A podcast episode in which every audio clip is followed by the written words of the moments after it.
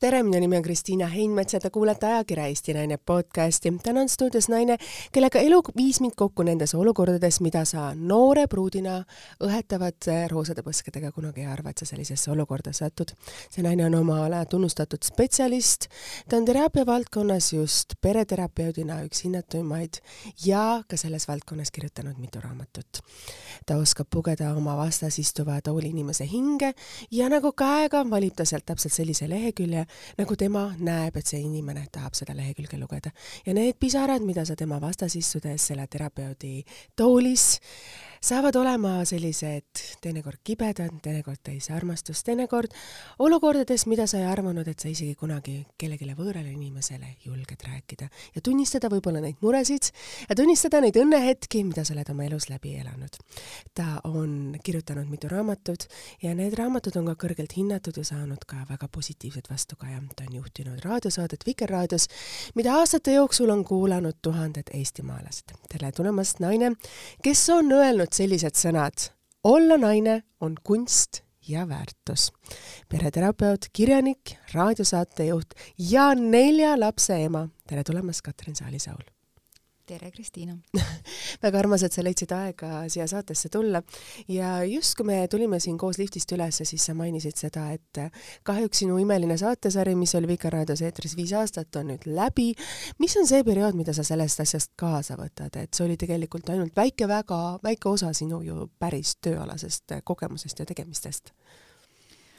oo, et sa kohe niimoodi alustad ma arvan, et ma võtan sealt kaasa eelkõige hästi suure tänutunde.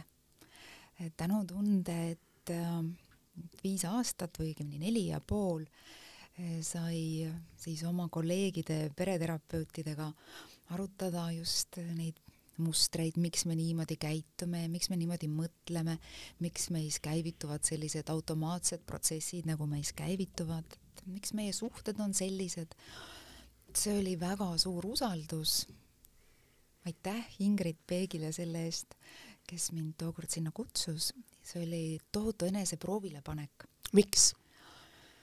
Äh, hirmus on, on. miks on hirmus? Äh, alguses istuda mikrofoni ees äh, kui mikrofoni lamp läks punaseks, siis minus käivitus see roomaaia aju automaatsed reaktsioonid, et, et seda, et et äh, võitle, seda mul ei tekkinud, aga et noh, põgene või mängi surnut oli kindlasti need reaktsioonid.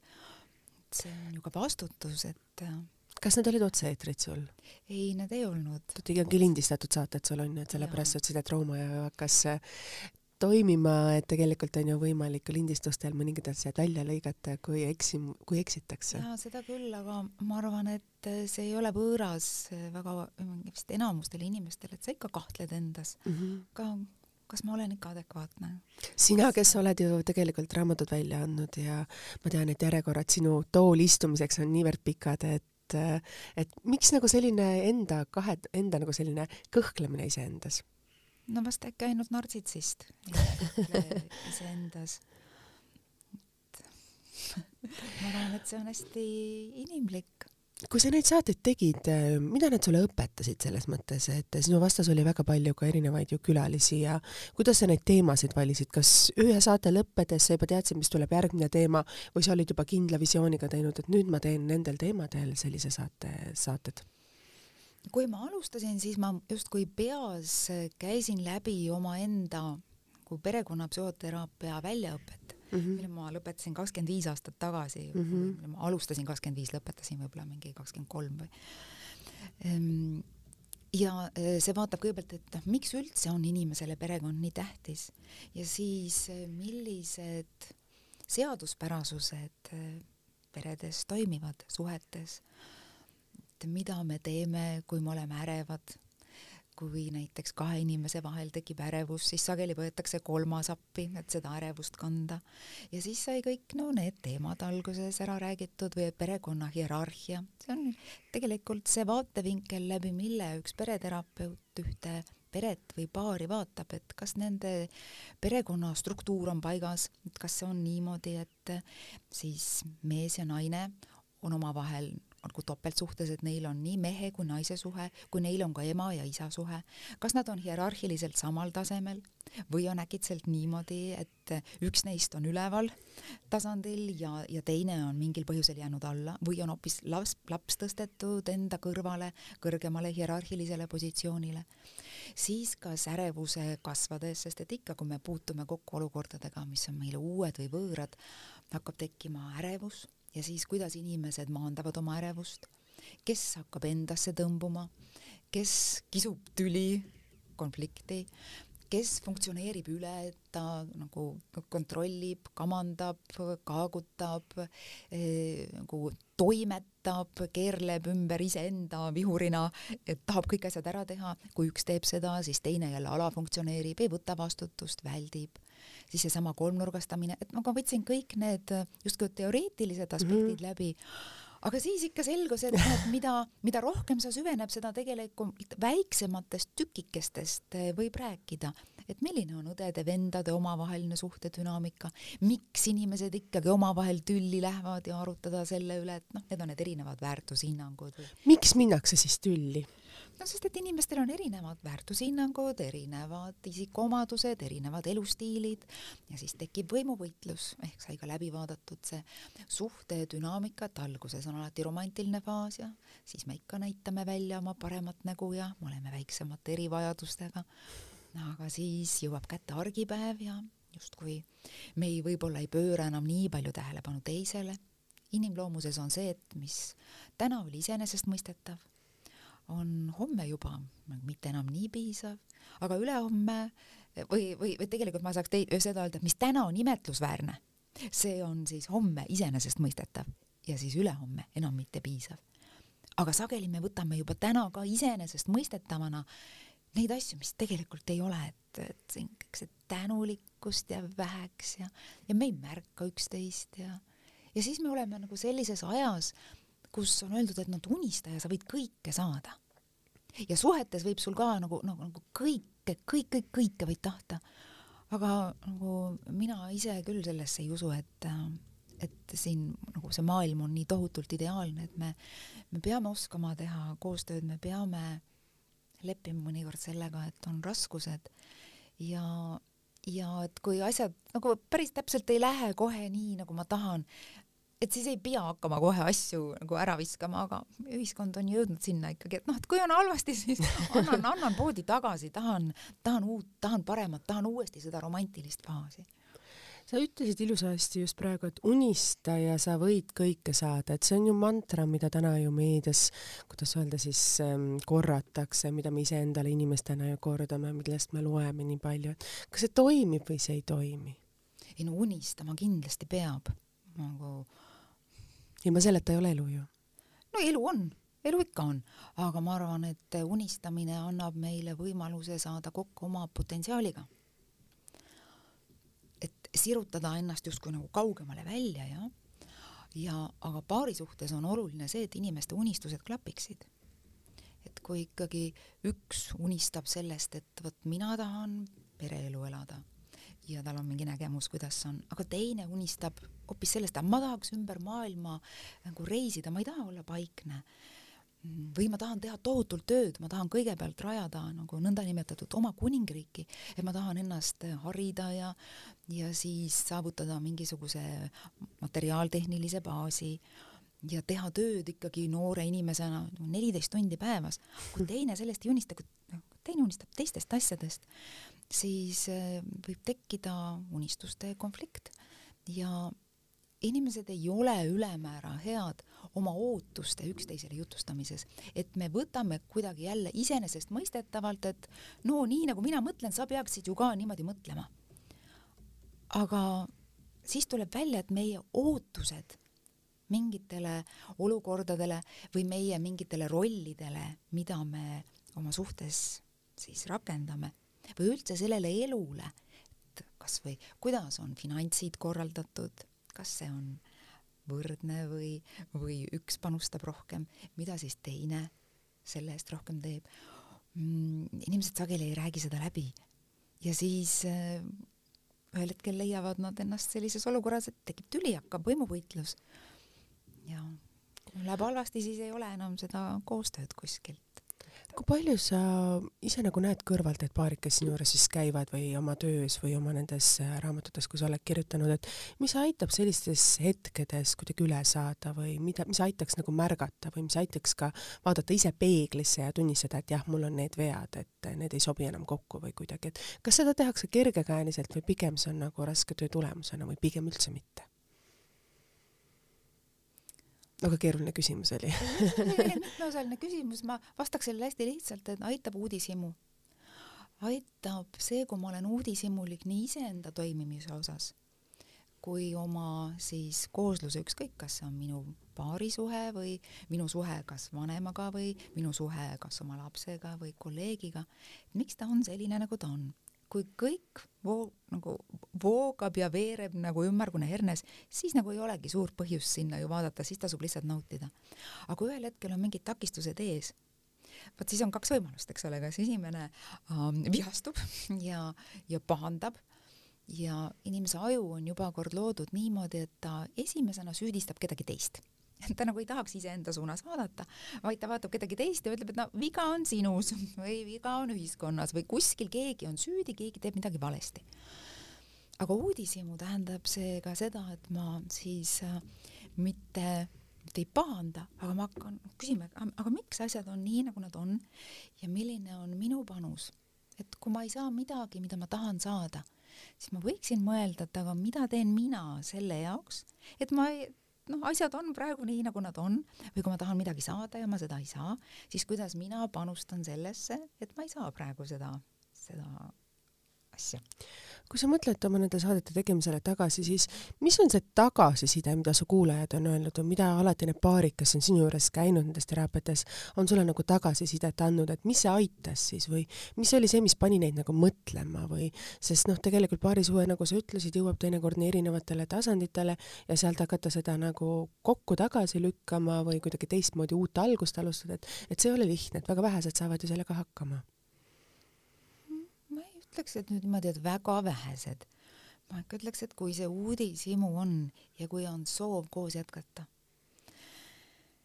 ja kui on ka teadmine see, et okei okay,, mul olid siin need probleemid, mis mul olid, oletame, et kokku said paar, kellest siis üks oli see ülefunktsioneerija, kes eh, nagu riidles ja nõudis ja noh, miks ta nõudis ju, tal midagi oli tal puudu, aga teine vältis, ei tahtnud tüli, kumbki omamoodi, oma käitumisega vältija sellega, et ta poeb kilbi alla peitu.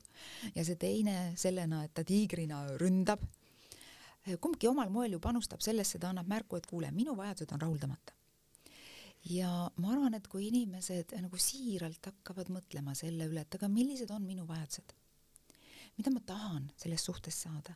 kui ja kergelt ei... leitakse nendele, kui, kui kergelt jõutakse nendele küsimustele, et osatakse üldse mõelda, aga mida ma tahan suhtes saada, see võib ju võtta aastaid aega no,. muidugi see on keeruline, jaa, aga kui ikkagi ühel hetkel sinna jõuda, et äh, mida mina päriselt vajan ja mida ainult, mida ma saada tahan, aga mida ma ka andma olen nõus et armastus on ju, armastus ei ole nimisõna, armastus on tegusõna, mida ma olen nõus ise selle nimel, et tunda ennast hästi, aga kuidas mina olen nõus panustama ja siis vaadata, et no kas me tegelikult oleme nagu sobivad, sest et kõik inimesed ilmselgelt ei sobi kokku. aga need inimesed, kellel ikkagi on see soov, et ma, ma tahan olla sinuga koos, siis ma olen, olen valmis koostööks, aga ma olen kindlasti sulle nõus andma sa ütlesid väga ilusti, et armastus on see, mida võib-olla inimesed nagu mõistavad erinevalt ja et ta ei ole nimisõna, vaid ta on tegusõna. Et tegelikult ongi, et me ju igaüks tegelikult tunnetame armastuse erinevalt. ja see armastus, mida me tegelikult tahame, tahame me näha teiste tegudes seda. ja et need teod oleksid isetud, siirad ja otse, et nendel ei oleks tagamõtet. ja kui sa mingil hetkel mõistad, et igal sellel vajadusel, mis sinul on, mis oleks sinu jaoks kui kinnitus, et see oli sinu, sinu, et see on armastus ja sellel tuleb nagu nii suur negatiivne kuvand, siis, siis kuidagi mingil hetkel see ju ka omamoodi vajub ära. Et armastus ju, sa ütlesid, et igaüks nagu vajab armastuse näitamiseks teatud asju ja me igaüks mõistame armastust erinevalt, noh näiteks ka tihtipeale väljendatakse armastust läbi asjade, sest inimene ei oska muud moodi oma armastust väljendada, ei oma sõnades, ei oma tegudes, ei oma milleski muust, oskab ainult asjadest, kuidas öelda, väljendada. ja siis teine inimene harjub ära sellega, et see asi on justkui see, et ta avaldab sulle armastust, sest ta teistmoodi ei oska seda. ja sa aastatega harjud sellega ära ja lõpuks sa tahad näha, et see ükskord tuleks ka isetult, mitte ainult sellepärast, et see teine ütleb, sest sina tahad, vaid et see tuleks isetult, otse ja siiralt.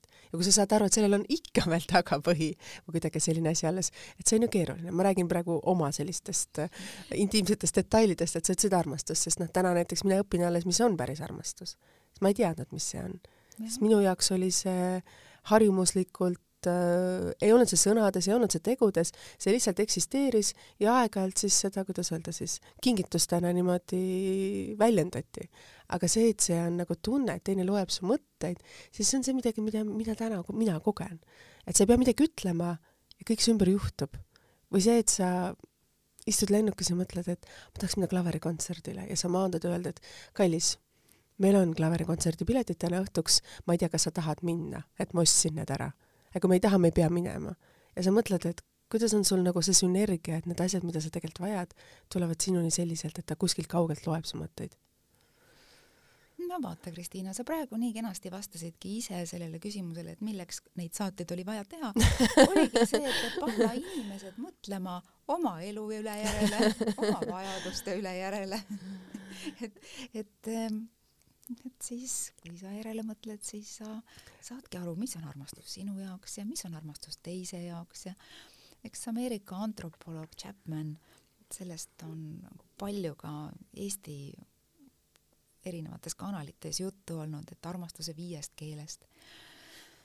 ja need on, räägime need siis siin lahti, armastuse viis keelt nojah, et, et osad inimesed armasta-, armastavad avaldada oma armastust siis nii, nagu sa ütlesid, materiaalsel kujul, asjade näol, aga teiste jaoks on need hoopis sõnad, et ma tahan kuulda ilusaid sõnu, kolmanda jaoks on see koos veedetud aeg, kvaliteetaeg, kus me tõesti võib-olla räägime südamest südamesse, neljanda jaoks on teenused, et teed mu jaoks midagi, siis saan aru, et sa mind armastad kasvatad mu lapsi või teed mulle süüa või tangid mu autot või ehitad kodu, siis armastad. ja viiendate jaoks on see füüsilise puudutuse keel, et kui sa mind kallistad ja suudled ja tahad seksida, et see on, see on armastus. armastus on nii erinev igale ühele, nii et see on nii keeruline teema. aga läheme siis edasi. sa oled välja andnud kolm raamatut ja iga raamat on nagu mõnes mõttes spetsiifiline, et kui sa nüüd tagasi mõtled, mis inspireeris sul neid kõiki neid erinevaid teoseid siis nagu kirjutama ja kas olid ise ka võib-olla eluliselt mingi, mingis mõttes sellises faasis, et sa nüüd alustad seda raamatut ja seda või seda või kuidas need raamatu ideed sinuni tulid? see on üks äh see on üks põnev, see on üks põnev peatükk mu elus, kuidas need raamatud tulid. Ehm, ma pigem isegi ütleks niimoodi, et eh, need raamatud tulid minu juurde, mitte mina ei jõudnud nendeni. no täpselt. et... esimene raamat, eh, Naiseks olemise kunst, naise arhetüüpidest, ma arvan, et sellest on nüüd kümme aastat, kui see teema mm -hmm. hakkas mind hästi huvitama. Eh, seda tänu sellele, et ma sattusin lugema ühte raamatut meeste arhetüüpidest kuningas mees, sõjamees, armastaja, teekond küpse mehelikkuse läteteni.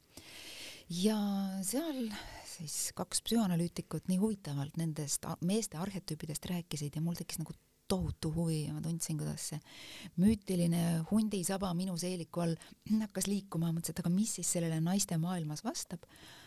ja ähm, ei olnud sellist äh, head raamatut, mis oleks sellele vastanud ja siis kuidagi elu juuste läbi sattusin ma äh,, Peterburis on üks selline naiste akadeemia, kus äh, räägiti nagu naise se-, e, elutervetest seisunditest. ma tundsin, et vot siit juba midagi on, aga nemad ei rääkinud nagu nendest ei arhetüüpidest mm -hmm. ega ka arhetüüpide varjukülgedest, millest jälle seal meeste arhetüüpides räägiti ja, ja siis jõudis kätte see eluperiood, kus siis sündis mu neljas laps, ma ise olin juba üle neljakümne aasta vana, ta oli, ta oli keeruline laps, ta väga vähe magas. ja ma arvan, et ma selleks hetkeks, kui ta oli pooleteiseaastane, ta magas kolmekümneminutiliste mm, juppidena või neljakümne viieste täna sa suudad sellest rääkida, aga ilmselgelt tollel hetkel, arvestades, et sul juba oli veel kolm last ja need kohustused, see oli väga raske aeg. No, teised, need, need olid juba suuremad, see mitte nüüd nii väga, aga, aga ma olin vist eh, niivõrd, ma arvan, et see sõna isegi ei ole mitte väsimus, aga see oli tõenäoliselt muutunud teadvuse seisund kui sa juba ikkagi üle aasta äh, ei ole korralikult maganud ja ma arvan, et see selline muutunud teadvuse seisund, aga samas ikkagi see huvitatus nendest arhetüüpidest mm, vist lükkas mind kuidagi eh, sinna, ma olin enne teinud arhetüüpide töötubasid juba ja neid siis hakanud eh, rohkem uurima. Ja kuidagi sealt tuligi siis see impulss, et aga muidugi impulsi andis eh, hea Pilgrimi kirjastaja või kirjastus Tiina Ristimets. Tiina Ristimets, kes ütles, et äkki sa proovid ja, ja mulle selgelt tundus, et ma seda teha ei saa, sest et eh, enne seda viimati äh, kirjutasin ma keskkooli lõpukirjandi aastal tuhat üheksasada kaheksakümmend kaheksa. vaata, kui oluline on, et keegi ütleb sulle ühe lause ja see inspireerib sul kirjutama raamatut e,. jah et keegi ütleb, aga proovi. ja, et ta usub sinusse jah, ja mina ei uskunud iseendasse, et ma, et ma seda suudaksin teha, aga ma mõtlesin, et aga okei okay,, ma teen siis sellise vihiku, kuna ma neid töötubasid olin juba teinud. Eh, no siin on, eks ole, need neli elutervet naiselikku arhetüüpi koos oma variarhetüüpidega. et ma siis see, mida ma olen nendes töötubades teinud, nagu see teooriajupp ja millised on siis need omadused ja kuidas need, need arhetüübi omadused naises väljenduvad ja mis siis, miks ta võib nendest elutervetest arhetüüpidest välja kukkuda. ja kuhu ja ta siis kukub? ja mida sa avastasid siis selle raamatuga? ka iseenda jaoks näiteks, seda kirjutades? et ma oskan kirjutada aga ma mõtlen nendest arhetüüpidest ja asjadest, et sa panid ju kokku mitmed teooriad ja mitmed asjad ju ja ka ise panid omaenda teadmised sinna, mida sa olid terapeutina ju aastate jooksul juba kogenud.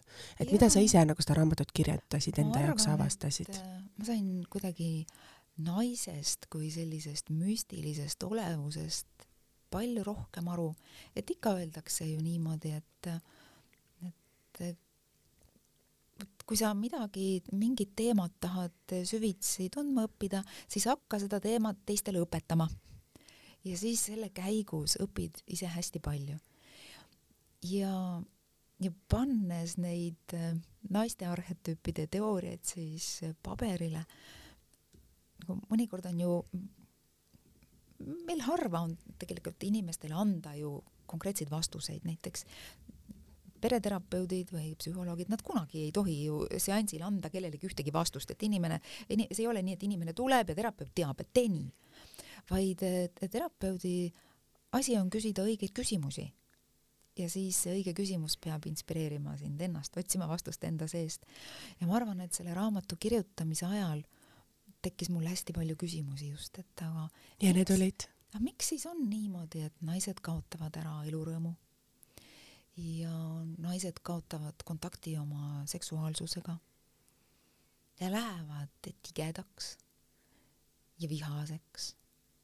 Ja mõned ei tule sellest, sellest seisundist ka kunagi välja ja nad ei leia üles seda magusat mahlast elurõõmsat naist enda sees, nad mutistuvad ära, see mutistumine ka nagu mind ikkagi väga intrigeeris, et noh, miks see on niimoodi, et mõni naine kaheksakümnesena, seitsmekümnesena nagu särab, ta on huvitav, et noh, mille võrra tema on rikas, mida ta teab, kuidas see on seotud tema ürgse naiseliku arhetüüpse loomusega ja mida meil on sellest õppida? Ja miks siis osad, eks ole, ja, ja suurem osa ju kaotab, see ei ole see, et, et enamus eh, naisi on ju elurõõmsad, on ju. See kahjuks ei ole ju nii. Või et nad säilitavad ähm, elurõõmu kõrge, kõrge vanuseni ja sensuaalsuse. Et eluraskused on see, mis muudavad sind võib-olla ükskõikseks teatud asjade osas. Ja võib-olla ka ühiskonna poolt ette kirjutatud teatud detailid, et sa kuidagi arvad, et sa pead teatud vanuses teatud moodi käituma või teatud vanuses ei ole teatud asjad lubatud või mingisugused detailid, asjad, et sa ise sead ennast vangi omaenda võib-olla nende ideede ja asjade sisse, mis ei ole õige. see võib nii ka olla, aga kindlasti üks periood on just nimelt emadus, et see on lihtsalt nii kurnav, et ikkagi emadusest ju joonistatakse ka sellist väga idüllilist pilti, mida siis Instagrami ja Facebooki lehekülgedelt sa vaadata saad, et oo, milline õndsus ja et kui tore ja kui rikastav kogemus, absoluutselt ongi see on erinev. tore, rikastav kogemus, aga sealsamas kõrval on ka emaduses hästi palju loobumist ja süütunnet ja väsimust ja kurnatust.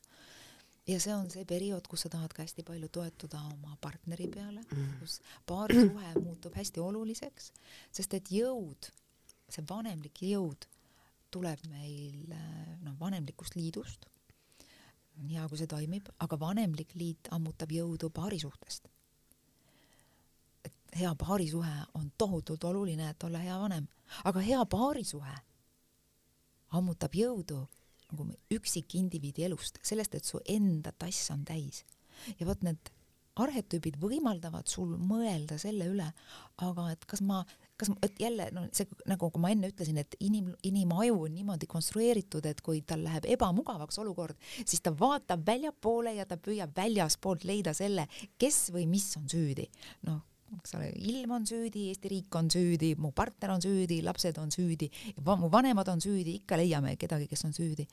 aga need arhetüübid võimaldavad vaadata sul ka iseenda sisse, et kuidas mina olen vastutav tegelikult selle omaenda tassi eest.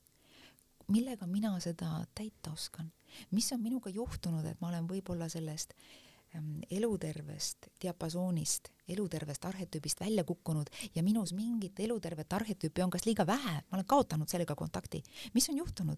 ja nii lihtne on öelda, ja olen ema, olen väsinud et teismeline sööb mu närvid ära või et, et noh, nagu partner ei vasta mu ootustele aga et ikkagi vaadata ka, vaadata ka iseenda suunas või et miks ma olen läinud nii mingis mõttes nagu üle võlli millegagi, et miks ma, miks ma olen mingisugusesse teemasse kuidagi nii, nii sisse läinud, miks ma olen, ütleme, siia ka emadusse nii sisse ära kukkunud, et ma olen täiesti unustanud ära, et ma olen siin kõrval, mul on ka teised rollid.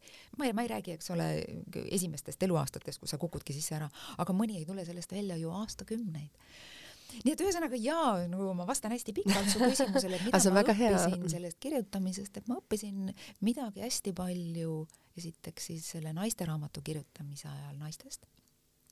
ja inimene kirjutab ju ikka, eks ole, sel teemal, äh, mis siis noh, nagu ma ütlesin, mis teda intrigeerib. inspireerib. ja inspireerib, mille sees ta parasjagu kahe jalaga on.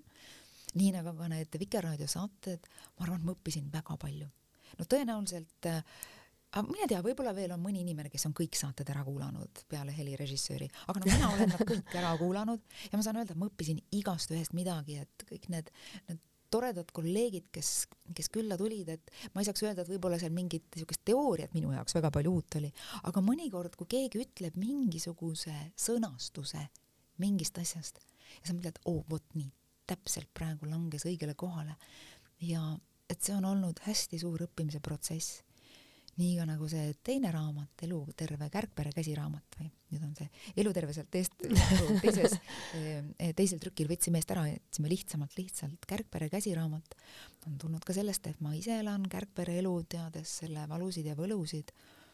Mm, see võimaldas mul ka süvitsi nendele teemadele otsa saada ja, ja saada aru, miks need asjad siis ei toimi, et mis meie sees toimub, millised tunded meie sees üles tekivad, kuidas me hakkame automaatselt automaatselt käituma, kui me oleme stressiseisundis? Ja noh, siis eks olegi, me, me põgeneme või me väldime või me läheme konflikti, me ründame, kas liialdame või alafunktsioneerime, kolmnurgastame, ehk siis me tegeleme millegi kolmandaga selle asemel, et tegeleda oma kahe inimese omavahelise ärevusega.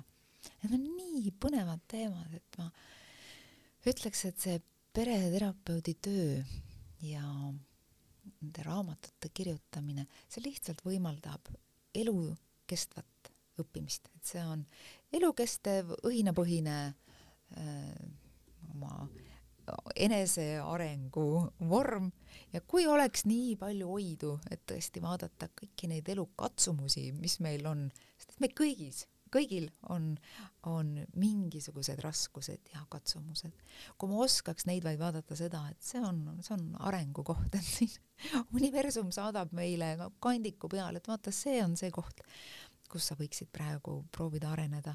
no vot, ja mina olengi püüdnud areneda siis naisena peres ja sellistes siis äh, psühholoogia abc-s, paarisuhte abc-s töötades veerandsad aastad terapeudina, töötades veerandsad aastad pereterapeudina, selle abc kordamine ei jookse nagu mööda hane vesi maha. sa rääkisid sellest kärgpere, kärgperest ja sa oled ise ka praegu siis antud olukorras, noh, emana kärgpere, kuidas öelda, kärgpere on sinu pere, sinu elu osa. mida sa oled ise täheldanud, mis on selles olukorras kõige olulisem nagu säilitada, sest noh, lapsed peaksid olema esikohal ja nende vajadused, olenemata kuidas või mismoodi, peaksid olema täidetud ja kõige paremini. et kuidas nagu seda saavutada just kärgperes, et see saab olema ju keeruline, et sõna mina tahan, nii on, on ju tavaline.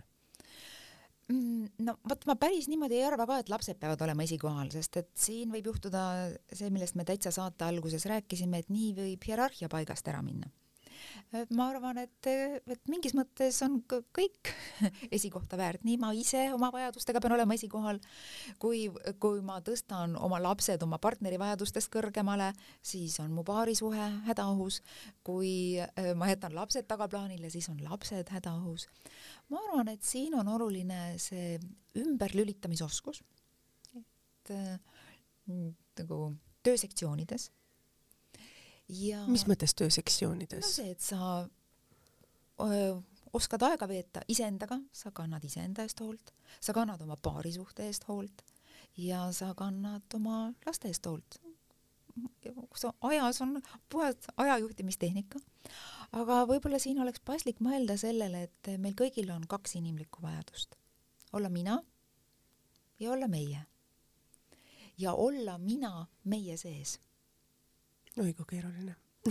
Eks ole, kontseptsioonina kõlab hästi lihtsalt, eks ole, on ju. täpselt, kontseptsioonina on see lihtne ja, ja see, kuidas sa ütled, aga see on nagu noh, reaalses elus on kõige keerulisem üldse teha. ja ma olen täiesti nõus, et eks ole, me kõik tahame olla ju noh, nagu mina ise, minu vajadused ja me kõik tahame kuuluda, sest et me teame, et ilma kuulumiseta meil on väga hõre olla, noh, tegelikult inimene ei jää ellu, kui ta ei kuulu gruppi, me tahame kuuluda endale oluliste inimestega kokku see annab meile ka mingi osa ju meie, isegi väga suure osa meie identiteedist, kuuluda kokku nende inimestega, keda me peame endale tähtsaks. aga on ju ka inimesi, kelle jaoks ei ole absoluutselt oluline, nende jaoks on tähtis, et ta istub üksinda rahulikult seal kivi all ja teda ei ole midagi muud vaja sinna juurdegi. Neid on väga vähe, neid on väga vähe.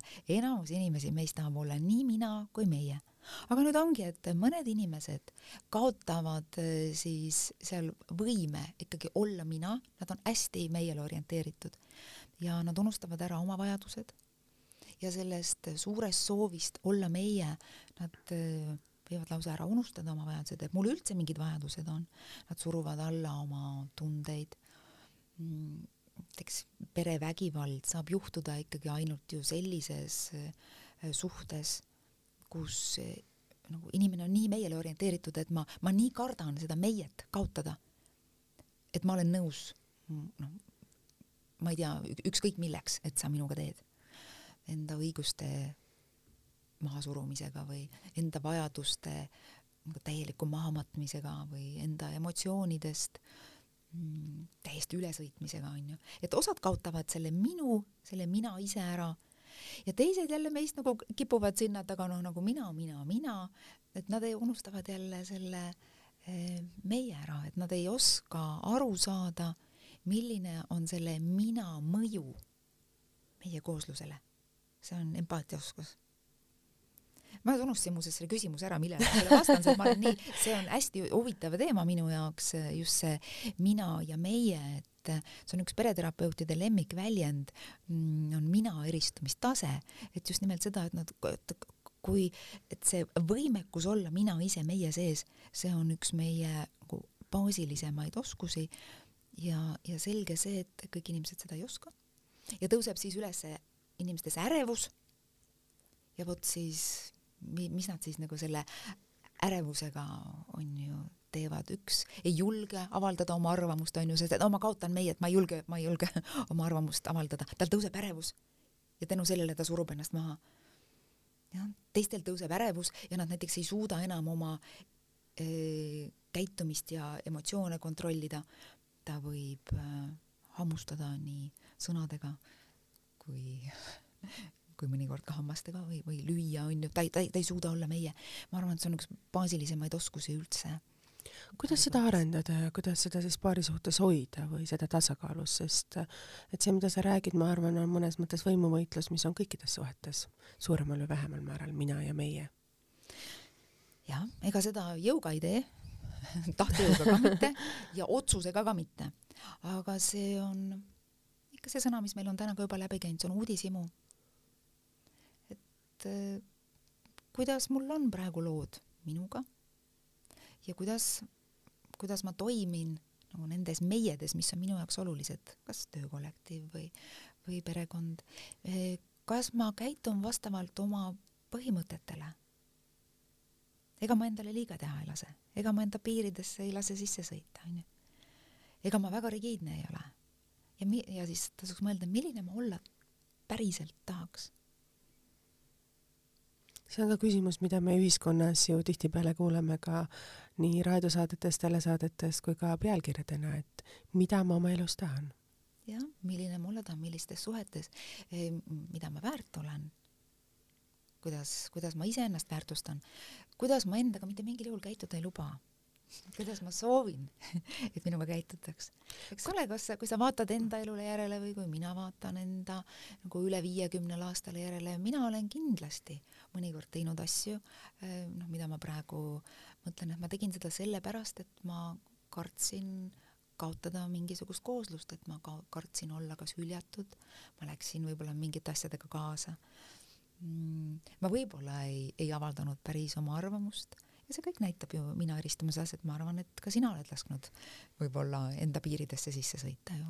ja ma arvan kindlasti, ma arvan ja seda väga kindlasti ja ma arvan, sa just väga ilusasti mainisid, et kui me saame emaks, siis me äh, mõnes mõttes elame oma sellises mullis ja me võib-olla ei väärtusta ja ei tunneta neid oma piire nii väga ja me laseme nendele sisse-sisse sõita ainult, et mingil hetkel, kui sa ütled, et aitab, siis on see teisele poole võib-olla šokk, sest noh, ta on harjunud sellega nagu, kuidas öelda, teerull sõitma, nii nagu tema tahab, aga noh, sinu piirid on, nagu sa ütlesid ka samamoodi pigem vaikides tagasi-tagasi, kuni ükskord sa plahvatad, et see on nagu pigem minu enda kogemusega selliselt, et tunnetada teist ja mõista tema vajadusi, et see on see, mida võib-olla tihtipeale ei ole alustada tasuks ikkagi isegi mitte niivõrd palju teisest, kuivõrd ikka iseendast, et mm -hmm. iseennast äh, tunda, oma vajadusi tunda ja leida ikkagi seda optimaalset tasakaalu. Ja ma saan aru, no see kõlab nii lihtsalt, see on nagu sama lihtne, eks ole, lause kui no hingake inimesed, et leidke tasakaal, aga just nimelt äh, noh, täpselt see lihtne lause, raske teha. Sa väga ilusti ütlesid, et hingake, et kui sul kaob õhk ära suhtes, siis see ongi see, kui sa tunned, et sinu vajadusi ei kuulata või sinu sõnu ei kuulata sinu, sinu vajadusi ei tunnetata. piiride kehtestamine jah, absoluutselt. kuule, aga läheme edasi nüüd järgmiste teemadega. sul on neli last ja me ka korra põgusalt siin saate alguses mainisime, et emaks olemine on nii suur asi. sa mainisid oma seda, kui sa said neljandat korda emaks, sul on kolm, neli last kokku. kuidas sa oled nende kõrval suutnud säilitada oma, kuidas öelda, tööalased ambitsioonid ja kõike sellega saanud hakkama? Et see on, nagu sa mainisid ka hetk tagasi, et on olnud omamoodi teekond. jah, ma ise ka imestan et sul on neli last ei, see lihtsalt on, aga, aga seda, et ma olen sealt kõrvalt ikkagi ka midagi äh, ära teinud mm,. minul on see läinud niimoodi, et ma sain esimest korda emaks, kui ma olin kakskümmend ja nüüd viimast korda, kui ma olin nelikümmend kaks mis tähendab seda, et sisuliselt ma olen kogu oma täiskasvanud elu olnud ema. see on väga suur roll, mida sa pead kogu aeg nagu täitma kõikide teiste rollide kõrvalt, et sa oled harjunud meie, sellega väga,. väga-väga palju meiet.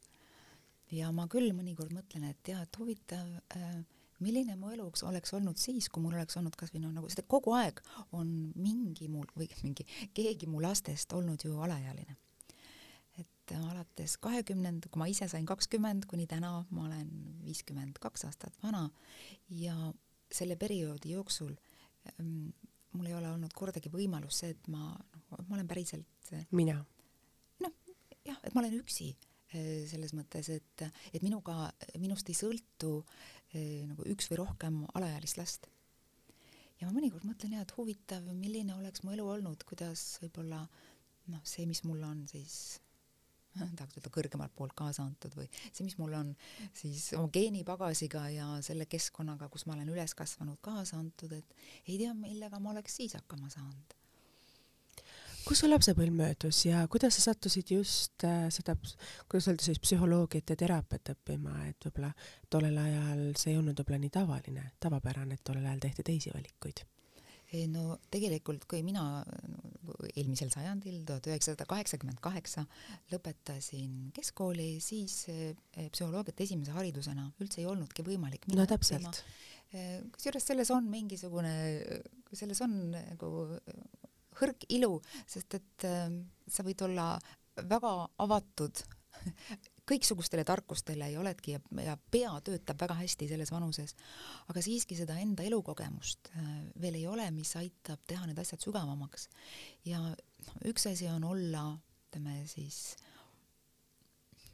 nõustaja, psühholoogiline nõustaja, siis kui sa tead seda empaatilisel tasemel, et sa tead, et depressioon on, on raske haigus või raske seisund ja, ja kui õudne on siis, kui sul on tühi tunne hinges ja et, et emadus võib röövida elujõu ja, ja et sa oled nagu noh, sa, et sa oled, et sa oled täielikus hämmingus, et sa lihtsalt ei saa aru, mida sa üldse elus tegema pead et üks asi on teoreetilised teadmised, aga, aga igale terapeudile või igale nõustajale, igale psühholoogile kulub ära rikkalik isiklik elu, et see on tohutult kingitus, kui sa oled oma elu jooksul eh, kukkunud, astunud erinevatesse ämbritesse, siis sa suudad hoopis teistsugusel viisil eh, inimestega ühendust saada, sest et ma olen täitsa kindel selles, et, et teejuhina on parem see, kes kõnnib sinust kõigest mõni samm eespool ja ütleb, et ja, ja ma tean, et sul on raske, et mina sain sellest kohast üle, üle kuidagi eh, niimoodi ja, ja sul on midagi oma varasalvest võtta, kuidas neid raskusi ühendada, kui see, kes seisab üleval mäe tipul, ütleb, et noh, halloo, kui raske see nüüd on, eks ole, teil sealt raskest mäest üles ronida nii et jah, et, et ühesõnaga minu ajal ei, minu siis eh, nooruses ei olnudki võimalik psühholoogiat esimese haridusena õppida, et see oli teine, alguses ma õppisin inglise ja ameerika kirjandust Tartus hoopis, Tartu Ülikoolis ja ja tänu sellele sai läbi loetud äh, kogu või noh, mitte kogu, kogu ei ole kunagi võimalik, aga, aga no nagu see klassika inglise ja ameerika kirjandusest, mis oli omamoodi psühholoogiaõpe, aga selle inspiratsiooni sain ma hoopis oma äh, oma armsalt emalt. mul on, mul on, mul on mega äge ema um,. ja kuidagi temaga rääkides ma selgelt mäletan seda hetke, ma olin umbes kuusteist ja tema ütles mulle, et, et tütrake, kas sa tead seda, et need liftid, mille sees on peegel, tunduvad sõitmat palju kiiremini, kui sa oled liftis, kus ei ole peeglit ja no, see on tõsi, eks ole, kui me, eriti kui me naistena, ma ei tea, kuidas mehed mõtlevad, aga noh, tõenäoliselt vaatavad ka mehed peeglisse. aga ühesõnaga, kui liftis on peegel, siis tundub, et noh, nagu see sõit läks hästi kiiresti, eriti kui sa oled üksinda sest me naistena kasutame seda peeglit nii mõneski asjaks. aga, aga kui liftis ei ole peeglit, siis see lift venib nagu tigu. ja, ja sellest lausest tekkis mul psühholoogia huvi, mõtlesin, et vau kui nii pisikene asi, nagu seda on peegel liftis, suudab inimese taju maailmast nagu sellisel määral mõjutada. mis siis veel siis hakkas kuidagi, siis hakkasid huvitama mingisugused värvid, umbes tekkis värvipsühholoogiat ja et, et osad värvid rahustavad ja teised ergastavad. see kõik tundus mulle kui siis hilisteismelisele nii, nii põnev. nii et kui oleks siis, kui oleks olnud võimalik minna psühholoogiat õppima aastal kaheksakümmend kaheksa, oleks läinud siis. aga, aga mida sa mäletad ise oma lapsepõlvest ja mis on need reeglid, mida sa oled ise nüüd emana kaasa võtnud, sest kui me saame emaks, siis me tihtipeale ei arva, et teatud detailid, mida me võib-olla lastena ei sobinud meile, et me võtame nad ka oma argipäeva, sest teinekord on see vajadus ja see mõte tuleb peale, et nii peab tegelikult tegema, kasvõi see, et me lapsena ei taha võib-olla süüa neid juurvilju ja siis me emadena samamoodi õpetame oma lapsi, kuidas siis need juurviljad on ikka magusad ja head ja palju kasulikumad et mis sina ise mäletad oma lapsepõlvest, mis sa ise oled nüüd avastanud, et sa emana oled, harrastad või kaasa võtnud neid sama teadmisi? Oo oh jaa, no teeme kahepäevase podcasti või? võib-olla mõtle siis, nagu ma saan aru, su ema oli väga inspireeriv inimene, kui ta selliselt sulle ka maailma lahti seletas nende peeglite näol. aga mis on võib-olla need detailid, mida siis sina pead nagu tähtsaks või mis on sinu väärtushinnangute põhi, sest see tuleb ju meil perekonnast? mulle väga meeldis see, kuidas mu ema oli elust hästi huvitatud.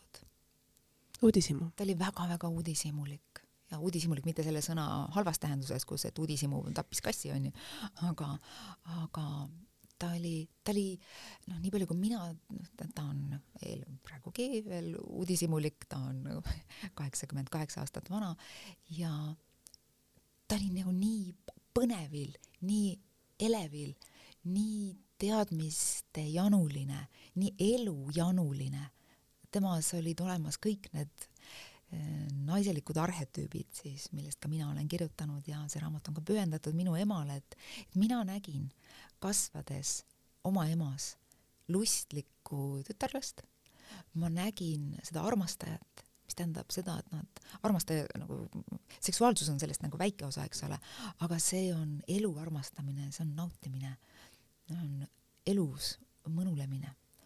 et äh, ma, ma olen seda näinud, ma olen näinud seda, kuidas ta on olnud suurepärane perenaine ja ma olen näinud seda, kuidas ta on olnud siis eluterve kuninganna, kellel on silmapaistev mõistus ja taiplikkus ja niisugune pika perspektiiviga mõtlemine.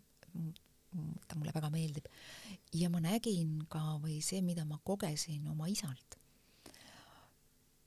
üks lause, mida ma kunagi hiljem olen lugenud, et et need tüdrukud, kellel on võimalus olla oma isale printsessiks, on tulevases elus neil palju lihtsam olla kuninganna üldse nagu iseendale ja siis juhul, kui nad on paari suhtes, ka oma mehele.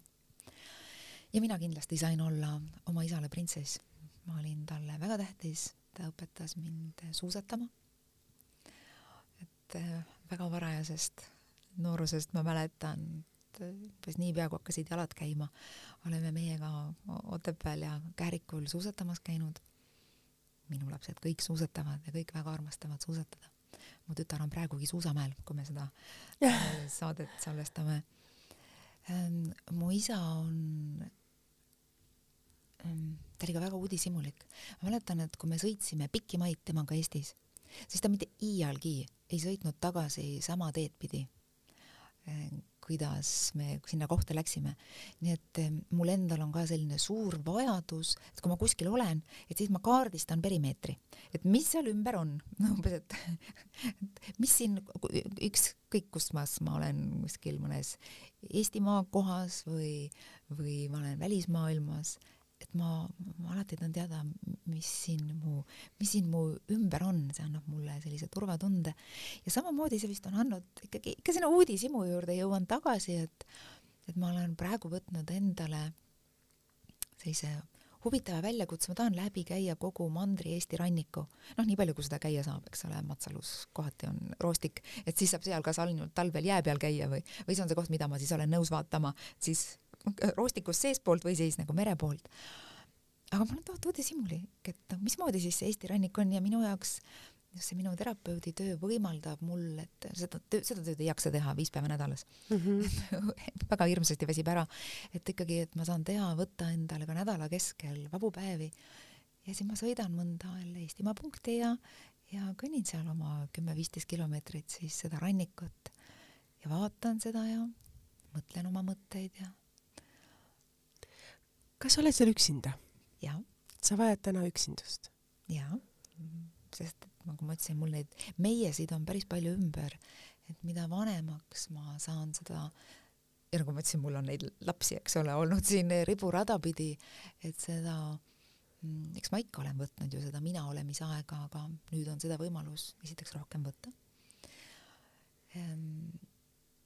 teiseks ma nagu üldse, mida vanemaks ma saan, ma üldse ei salli kiirustamist ja mulle meeldib võtta aega maha ja olla ja kõik need looduse hääled, et minu jaoks need võõramaised mantrad ja tantrad jätavad mind äh, jahedaks, et äh, mina pigem usun sellisesse Eesti ürglooduse mm, väestavasse ja ähm, hiiejõudu. jah, hiiejõudu või merejõudu, et, et seda on ju mitmest kohast kuidagi öeldud, et inimese psüühika korrastub, kui ta on erinevate looduskoosluste eh, piiri peal, Valdur Mikita on sellest toredalt rääkinud, et kui sa kõnnid kas metsa ja, ja põllu piiril või põllu eh, või siis, või metsa ja liiva piiril või liiva ja vee piiril, et selliste erinevate elementide, noh nagu maa ja vesi, või, või nagu tule ääres, et nende eri, erinevate elementide piiril meie psüühika korrastub paremini. sa mainisid ka nii ilusasti praegu sellest, et sul on nüüd võimalik võtta mina-aega ja neid asju, ennem sa rääkisid ka sellest, et et ka sina oled olnud võib-olla teatud mõnes mõttes sellistes ummikseisudes või aukudes ja sa oled sealt välja saanud, kas või see, kui sa olid emana ja magamatus ja see kurnatus mida sa oled ise elu jooksul kogenud ja mis on sind aidanud sellistest rasketest hetkedest nagu üle saada või et sest ega keegi tule meile ju ütlema ja siis me peame ise leidma endas selle jõu, me ise peame leidma oma tee, et kuidas me sealt välja saame, teised võivad ju öelda, mida nad tahavad või sind tunnetada, aga kui sa ise seda otsust ei tee, et jah, ma nüüd lähen, jah, ma nüüd teen, siis nagu sa ütlesid, sa võid jääda ka sinna aastateks sinnasamma auku või sinnasamma mustrisse, et mis on see sinu, kuidas öelda, selline väike salanipp, nipp või sinu jaoks toimiv asi? no ma kõigepealt äh, küsin enda käest, et kas Shakespeare oleks saanud sellest tragöödia kirjutada, millest mina praegu siin tragöödiat äh, üles keerutan. Ja reeglina ma vastan endale, et äh, ei, see on kõigest äh, melodraama, et see ei ole tragöödia. see on kõigepealt ma teen Shakespeare'i võrdluse, siis on loodus, loovus ja äh, huumorimeel. ma arvan, et see on üks äh, inimeste kõige olulisem nagu äh, soolikas, mida iseendas nagu arendada. no see, et, et nagu elu ei saa nii kohutavalt tõsiselt võtta. et nagu natukene nagu nalja peab siin elus ikka saama.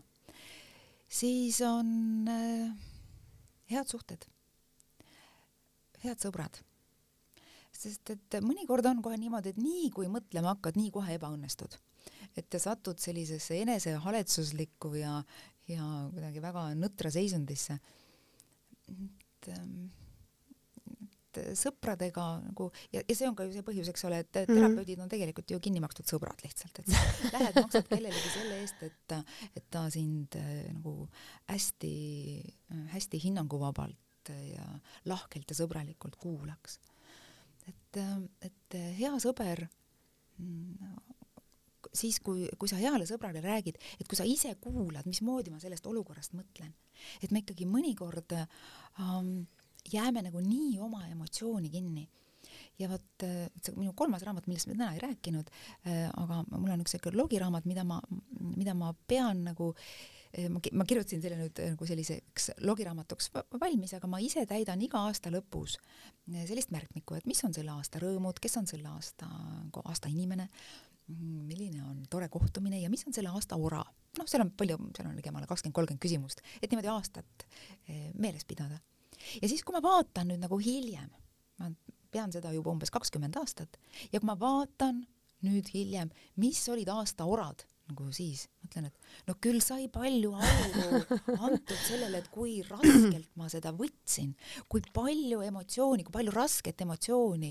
Ja no nagu see on jah, kui on mingi tervisehäda, eks ole, tõesti, aga, aga see kõik ei ole nagu sellised ikkagi nagu väga traagilised asjad, aga kui palju nagu kas viha või hirmu või kurbust, kadedust, ärevust, pettumust. Vaatad nagu hiljem mõtled, et oli see nüüd nagu nii palju seda väärt. ja ja noh, eks elus on ju see niimoodi, et mida külvad, seda lõikad, mõnikord on lihtsalt nagu selle külvi ja lõikuse vaheline aeg väga pikk et me saame ikkagi, me ise ju ikkagi see, mis meie elus meiega juhtub, me oleme selle kuidagi ju alguse pannud ja mõned asjad noh, nagu nagu Covid, eks ole, tuleb, tuleb ise, me ei ole midagi selle heaks teinud. Veel on terve hulk asju, mis tuleb ise, aga suur osa asjadest tuleb ikkagi see, et meil on oma käsi seal mängus. ja, ja kuidagi ma nagu katsun sellesse nagu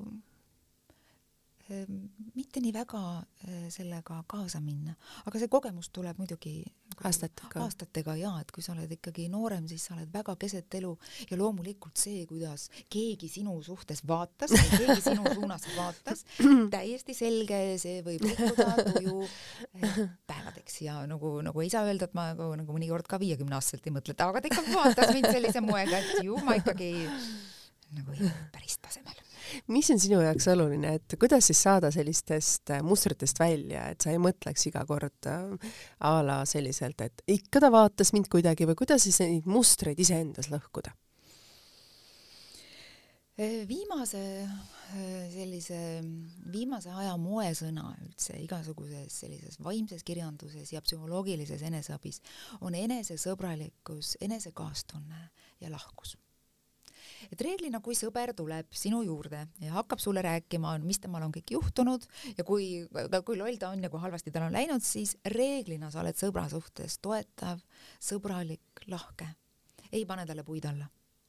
nüüd, kas me seda iseenda suhtes alati suudame, et me oleme nagu lahked, toetavad või, või me mõtleme ikkagi, et meie sees on see kuri kriitik mis ütleb, kuidas sa niimoodi said ja miks sa niimoodi tegid ja sa võiksid olla parem ja sa võiksid olla rohkem saavutanud ja ma võiksin olla parem ema ja ma võiksin olla parem spetsialist ja ja see lahkus, enesekaastunne ja sellel meil kõigil on elus mingisugused katsumused, raskused, millega me oleme silmitsi.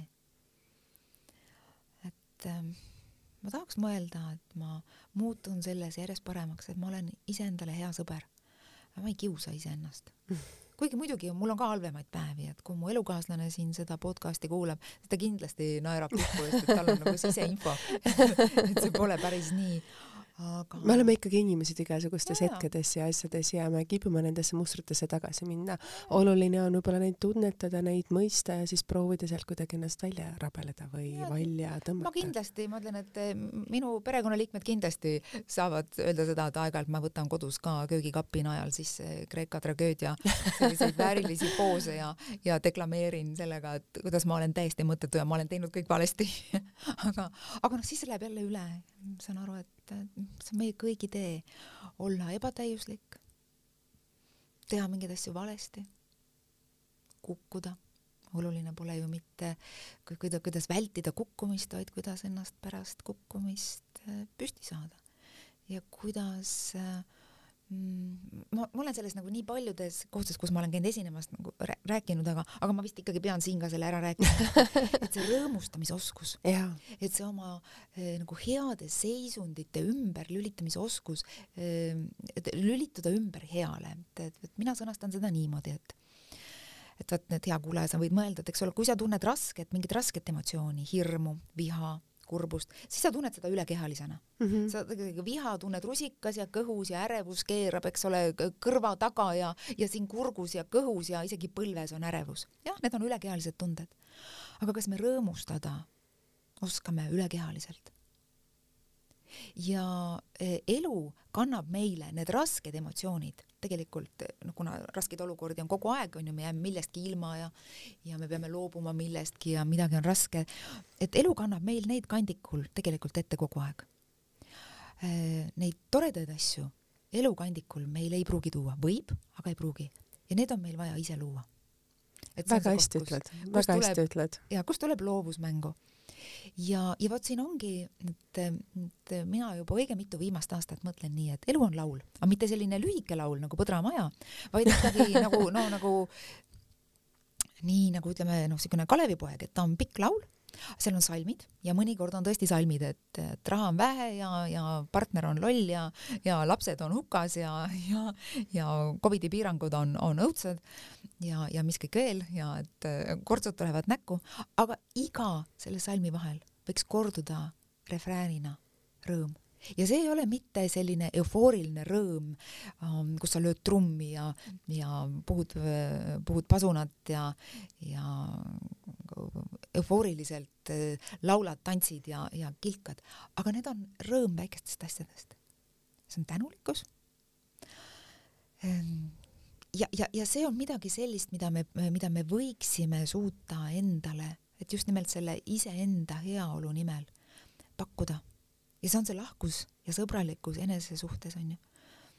et, et rõõmustada ja tunda seda samamoodi, võimendada seda tunnet iseenda sees. Sest et sageli inimesed ütlevad, oo, ma tahan, et no te, midagi ei juhtu ju, kuulge, vaadake, vaadake nüüd välja, mitte midagi ei ole toredat. Ja mõnikord ongi niimoodi, et mitte midagi ei ole väljaspool toredat, aga äkki, äkki sa ise nagu oskad äh, võtta äh, nagu hingetõmbepausi keset päeva. Me ise oleme oma õnnesepad, öeldakse eesti keeles. et äh, kuidas pakkuda iseendale väikseid naudinguid, ma lähen selles järjest ja järjest paremaks. kuidas pakkuda seda endale toiduga, kuidas pakkuda seda endale iluga? Eriti ma arvan naistele, kui ma olen uurinud naiste käest, mis on need asjad, mis teid, noh, mis, kus te oma väge nagu ammutate, kus te jõudu juurde saate, siis on see ilu kogemine, ilu tarbimine, ilu nägemine, ilu loomine.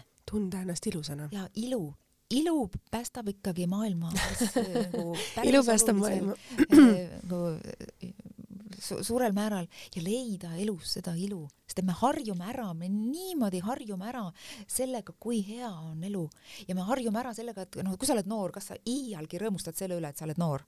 No ei iial. kui sa oled terve, kas sa rõõmustad selle üle, mõtle noh, et nagu käed-jalad käivad, see on nii iseenesestmõistetav.